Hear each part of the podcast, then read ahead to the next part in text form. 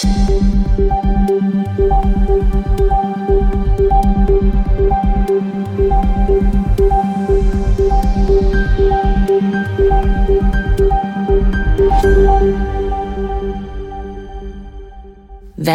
tilbake til Krimnytt, en podkast for deg som ønsker å følge med på aktuelle true crime-saker.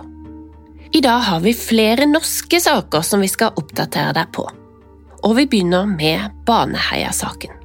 5. september kom nyheten om at rettssaken mot Jan Helge Andersen, hvor saken i juni ble beslutta gjenåpna av kommisjonen, ble satt til 15. april 2024. Rettssaken vil finne sted i Sør-Rogaland tingrett, og det er satt av åtte uker til saken. 19. mai 2000 så ble ti år gamle Lena Sløgedal Pausen og åtte år gamle Stine Sofie Sørstrønen brutalt voldtatt og drept etter en badetur i idylliske Baneheia i Kristiansand. September samme år ble Jan Helge Andersen og Viggo Kristiansen arrestert og sikta for drapene, og senere dømt. Jan Helge Andersen har hele tida lagt skylden på Viggo Kristiansen og Viggo Kristiansen har alltid hevda sin uskyld. Viggo fikk til slutt saken sin gjenåpna, og etter en grundig etterforskning og avdekking av tolv nye DNA-spor på begge jentene, som alle ga treff på Jan Helge Andersen, så ble Viggo Kristiansen i desember 2022 frifunnet i Baneheia-saken, etter å ha sona uskyldig 21 år. Seks måneder senere ble det altså beslutta, naturlig nok, at saken mot Jan Helge Andersen skulle gjenåpnes. Det er knytta stor spenning til rettssaken mot Jan Helge Andersen, og vi kommer til å følge rettssaken når den starter i april, og holde dere oppdatert her på Krimnytt. I 2006 så døde lille Martine av omfattende hodeskader. Rita var hennes dagmamma, og i 2019 ble Rita dømt for å ha utsatt jenta for grov vold med døden til følge. Like lenge har Rita hevda sin uskyld, og kommisjonen beslutta tidligere denne uka å gjenåpne saken. Dette var andre gang Rita søkte om gjenåpning, da hun fikk avslag første gangen. Kommisjonen har lagt til grunn at det forelegger nye bevis og omstendigheter som sammenholdt med de øvrige bevisene som ble presentert for retten den gang, gir en rimelig mulighet for at Rita ville blitt frifunnet om disse var kjent for retten. Det var 4. september i 2006 at barnet ble levert til dagmammaen, og det var første gang Rita skulle være dagmamma for Martine. Martine døde senere samme dag på sykehuset av omfattende hodeskader. Til VG uttaler bistandsadvokaten til Martines foreldre at avgjørelsen kom overraskende på dem, og at dette ikke var utfallet de ønsket seg.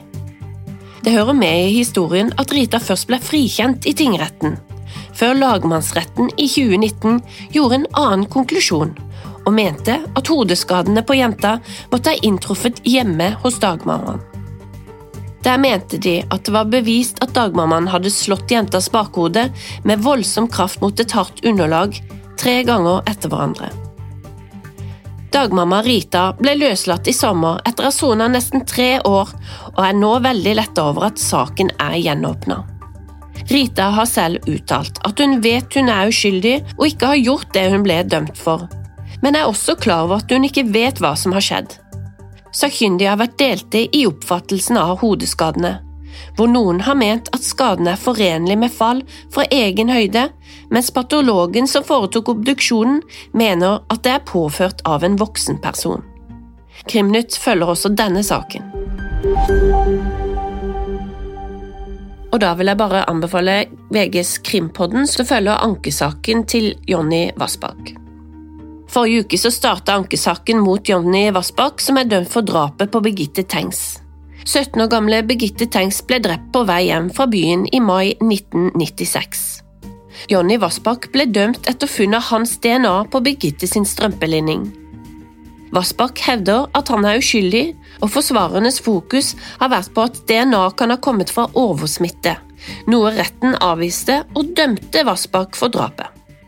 Tirsdag 5. september starta statsadvokat Nina Grande på påtalemyndighetenes innledningsforedrag. Her kunne hun opplyse om at nye prøver av Birgitte sin strømpebukse har gitt noen foreløpige svar. De har funnet noen svært små mengder mannlig DNA, mindre enn det som ble funnet i sporprøvene A12F, som er det DNA-beviset Vassbakk ble dømt på. Vassbakk sine forsvarere har i liten grad forsøkt å så tvil om at denne DNA-profilen tilhører Vassbakk, men har fokusert på hvordan dette har havnet på Birgitte sin strømpebukse, og ikke nødvendigvis har kommet der i forbindelse med drap, men oversmitte. Dette fikk de ikke gehør for i retten i første omgang. I ankesaken har de samme fokus, men forsvarerne vil nå bruke en gammel sak fra USA, hvor en mangemillionær i 2012 Ravesh Kumra ble drept i sitt eget hjem etter et innbrudd. Tekniske undersøkelser på åstedet og offeret avdekka tre DNA-profiler, som alle matchet med personer i politiets registre. En av disse profilene skal ha tilhørt den 26 år gamle uteliggeren og alkoholiker Lukis Andersen.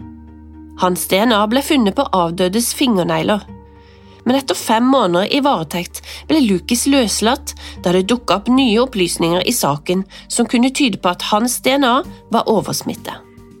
Det er dette Vassbakk sine forsvarere vil tydeliggjøre for dommerne, at oversmitte av DNA er noe som skjer i virkeligheten. Spørsmålet er om det var dette som skjedde med Jonny Vassbakk. 5.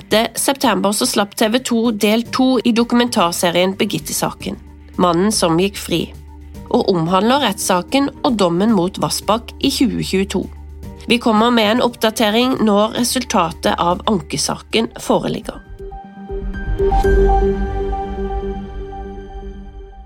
Mange av oss husker nok den grusomme drapssaken som rysta England for ca. 30 år siden, da to år gamle James Berger ble kidnappa, torturert og drept av to ti år gamle gutter. Kroppen hans ble funnet sterkt mutilert rett ved noen toglinjer i Liverpool. James hadde blitt kidnappa fra et kjøpesenter mens han handla sammen med moren sin. James skulle fylt tre år bare én måned etter han ble drept. Drapsguttene John Vendible og Robert Thompson, som i dag er 40 år gamle, ble den gang funnet skyldig i drapene, men pga. den lave alderen deres ble de kun dømt til åtte års fengsel. I 2001 ble Venable og Thompson løslatt med nye identiteter og med betingelse om å være under oppsyn resten av livet. Siden den gang har Venables vært i fengsel to ganger, i 2010 og 2017, etter han ble tatt for besittelse av bilder med barn i seksualiserte situasjoner. 6.9 har en ny dokumentar premiere på Channel 5, James Bulger, The Trial. Dokumentaren forteller historien om rettssaken mot John Venable og Robert Thompson, og dokumentaren viser begge guttenes forsvarsadvokater, jurymedlemmer, dommer, journalister og rettsarbeidere som alle deltok i rettssaken i 1993. James Burgers foreldre er også med. Dokumentaren kom etter at John Venable har blitt innvilga en ny høring som kan sette ham fri fra fengsel om bare få uker. James Bulgers foreldre, Denise og Rolf, har begge sendt brev til retten og vært tydelige på at de mener John Venable ikke bør løslates, og at de er helt sikre på at han vil angrepe et nytt barn om han slipper fri. Sist John Venable hadde høring, var i 2020. Denne ble da avslått. Flere eksperter mener at John Venable vil få avslag også denne gangen, og at han aldri vil bli løslatt igjen. Ikke bare har han drept et lite barn da han selv var barn, men har ved flere anledninger i voksenlivet vist at han ikke er rehabilitert og fremdeles skader barn. Også Jane Bulgers lillebror Michael, som i dag er 29 år gammel, har uttalt at han aldri kommer til å tilgi guttene som drepte broren hans, og at John Venable aldri må slippe fri. Han ble født bare åtte måneder etter hans storebror James ble drept. James Moore deltar også i Channel 5 sin dokumentar, hvor hun for første gang på 30 år leser vitnesbyrdet hun ga til retten i 1993. Den gangen deltok hun selv ikke i rettssaken fordi hun var gravid og ikke tålte for mye stress. Hun sier det er vanskelig for henne å lese dette, da smerten er for stor og vond. Men både hun og Ralph har skrevet nye uttalelser til retten i forbindelse med Wendable sin høring, i håp om å forhindre løslatelse.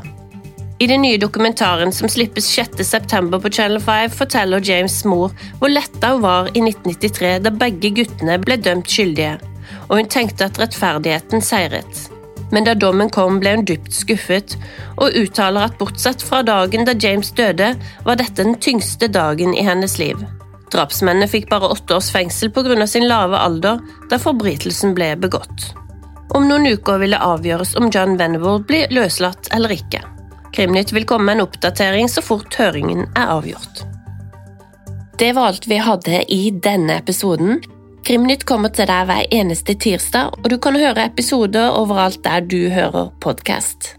Du finner oss også på Instagram på Krimnytt, og vi driver også podkasten Krimprat med Lise og Fiona, der vi går dypere inn i true crime-saker. Vi høres igjen neste uke.